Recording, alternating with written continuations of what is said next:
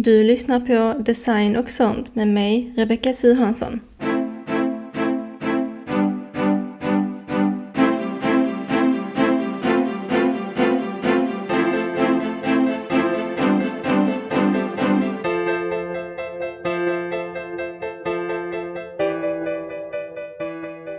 Hej! Idag tänkte jag prata om lite tankar jag har haft den senaste tiden om konkurrens. Det är ju så här att oavsett vad vi gör eller erbjuder så kommer det ju alltid att finnas andra som erbjuder liknande saker men som gör det snabbare och billigare än oss. Och det kommer alltid att finnas de som väljer dem över oss och vårt erbjudande just för att det är snabbt och billigt. Men det snabbaste och billigaste alternativet är ju inte nödvändigtvis alltid det bästa eller det lämpligaste. Vissa saker tar ju helt enkelt sin tid, vilket kan vara en väldigt bra grej. Jag eh, gillar ju att dra paralleller till restaurangbranschen eh, när jag vill ge ett exempel eller förklara någonting. Eh, just för att det är något som alla kan relatera till och eh, konsumerar. Så här kommer en sån liten parallell. Idag är ju många väldigt upptagna och vill då ibland bara ha något snabbt och billigt att äta.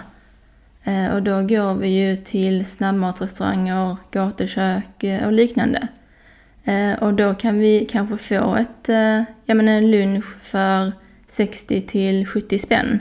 Och oftast är ju dessutom maten klar inom 10 minuter, en kvart. Och vi går ju till sådana ställen just för att det är snabbt och billigt, men även för att det passar situationen vi är i just då. Men däremot när vi ska ha fest, fira något eller kanske bara vill ha en guldkant på vardagen eh, väljer nog de flesta att köpa mat från en restaurang. Vi vet ju att det kostar mer och att det dröjer en stund innan vi får maten. Men det är vi okej okay med eftersom vi vet att vi kommer att få vällagad mat med bra kvalitet. Och min poäng med den här jämförelsen är ju då att i vissa situationer och sammanhang så är det lämpligt med snabbt och billigt men inte alltid. Ett exempel på detta är ju när vi beställer tjänster som utförs av andra människor.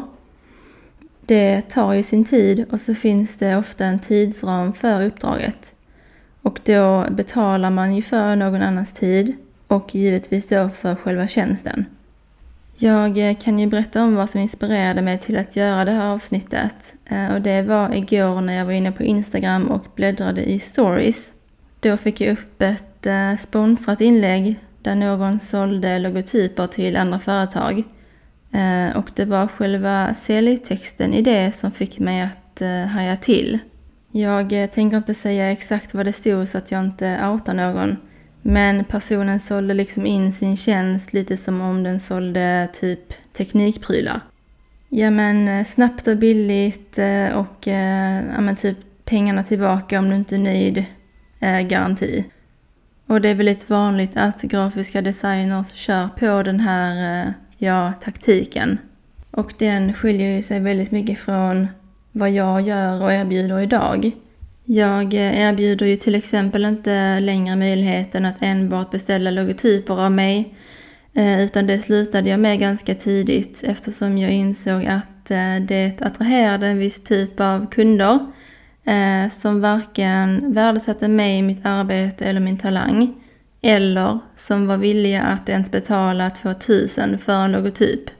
Och eh, anledningen till varför jag slutade att erbjuda det eh, är ju för att jag vill nå ut till en målgrupp som dels jag menar, är villig att betala det jag tycker att jag är värd. Eh, men också för att eh, jag tycker att varumärkesdesign är något som ska ta tid Eh, och vara genomtänkt. Liksom det ska inte bara vara snabbt och billigt för då blir det inte bra. Eh, och när man väl investerar i varumärkesdesign borde man göra det ordentligt och inte bara köpa en logotyp. Eh, men eftersom jag då och den personen som ligger bakom inlägget riktar oss till två olika målgrupper så är det inte så att jag känner mig hotad av den och dens erbjudande utan det handlar väl mer om att jag är frustrerad över att det finns så många företagare som ja, men köper det konceptet och eh, alltså hur de ser på den typen av tjänst. Liksom det här med att man behandlar att beställa en logotyp för sitt varumärke. Lite på samma sätt som när man ska gå och köpa en eh, ja, högtalare. Så hur ska man tänka då kring när man som egenföretagare kämpar med att sälja in sitt erbjudande till sin målgrupp men känner liksom frustration över att man inte riktigt lyckas? Är det på grund av de andra som är snabbare och billigare eller är det på grund av något annat? Så här tänker jag. Ja, det är frustrerande för mig som vill erbjuda mina kunder kvalitet när då någon annan får fler kunder än mig genom att erbjuda dem det snabbare och billigare. Men då blir min uppgift att försöka få min målgrupp att förstå varför jag har valt att göra det annorlunda och varför just det inte borde vara så snabbt och billigt. Liksom i slutändan handlar ju allt om kommunikation och positionering. Och med det menar jag att med hjälp av olika saker skilja sig från mängden och de som vill nå ut till allt och alla och som har ett väldigt brett erbjudande. Eller då de som försöker locka med att de gör det snabbt och billigt. Tyvärr är det ju många som i en sån här situation tänker att ja men då sänker jag också mitt pris och konkurrerar jag med den personen. Men då blir det bara så att man hjälps åt att sänka priset stegvis för hela branschen. Och det sänker ju i sin tur värdet på själva tjänsten, alltså vad folk är villiga att betala för den. Eh, och det gör ju det mycket svårare för folk som ja, men vill erbjuda mer kvalitet och som vill ta en viss summa.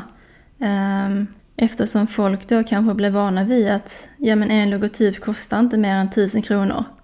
Eh, och just detta är lite vad som har hänt med fotografibranschen.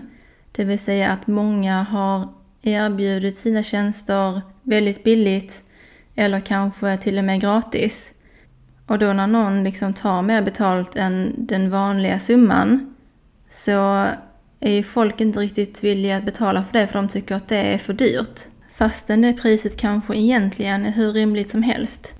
Var jag vill komma med det här är väl att snabbt och billigt är inte alltid bäst.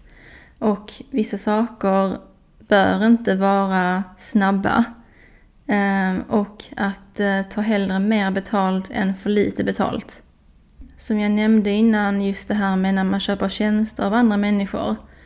Alltså, det är ju inte en pizzeria eller ett gatukök där det tar 10 minuter och en kvart att till exempel göra en logotyp eller en hel visuell identitet då som jag erbjuder.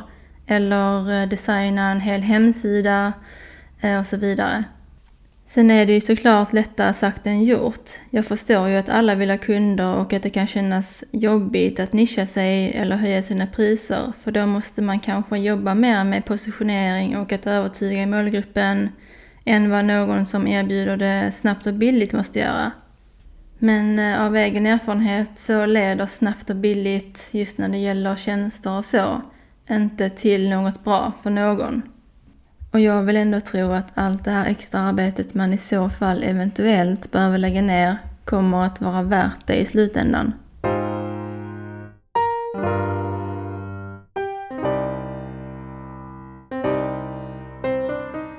Då vill jag tacka dig för att du har lyssnat på det här lite kortare avsnittet.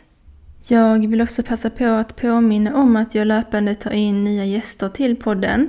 Så om du är kvinnlig företagare och skulle vilja komma hit och vara gäst hittar du kontaktuppgifterna i eh, poddbeskrivningen. Och eh, jag är öppen för det mesta så det spelar alltså ingen roll vad du gör eller hur länge du har varit egenföretagare. Så med andra ord, tveka inte att höra av dig. Ja, men eh, då får jag önska dig en fortsatt fin dag eller kväll.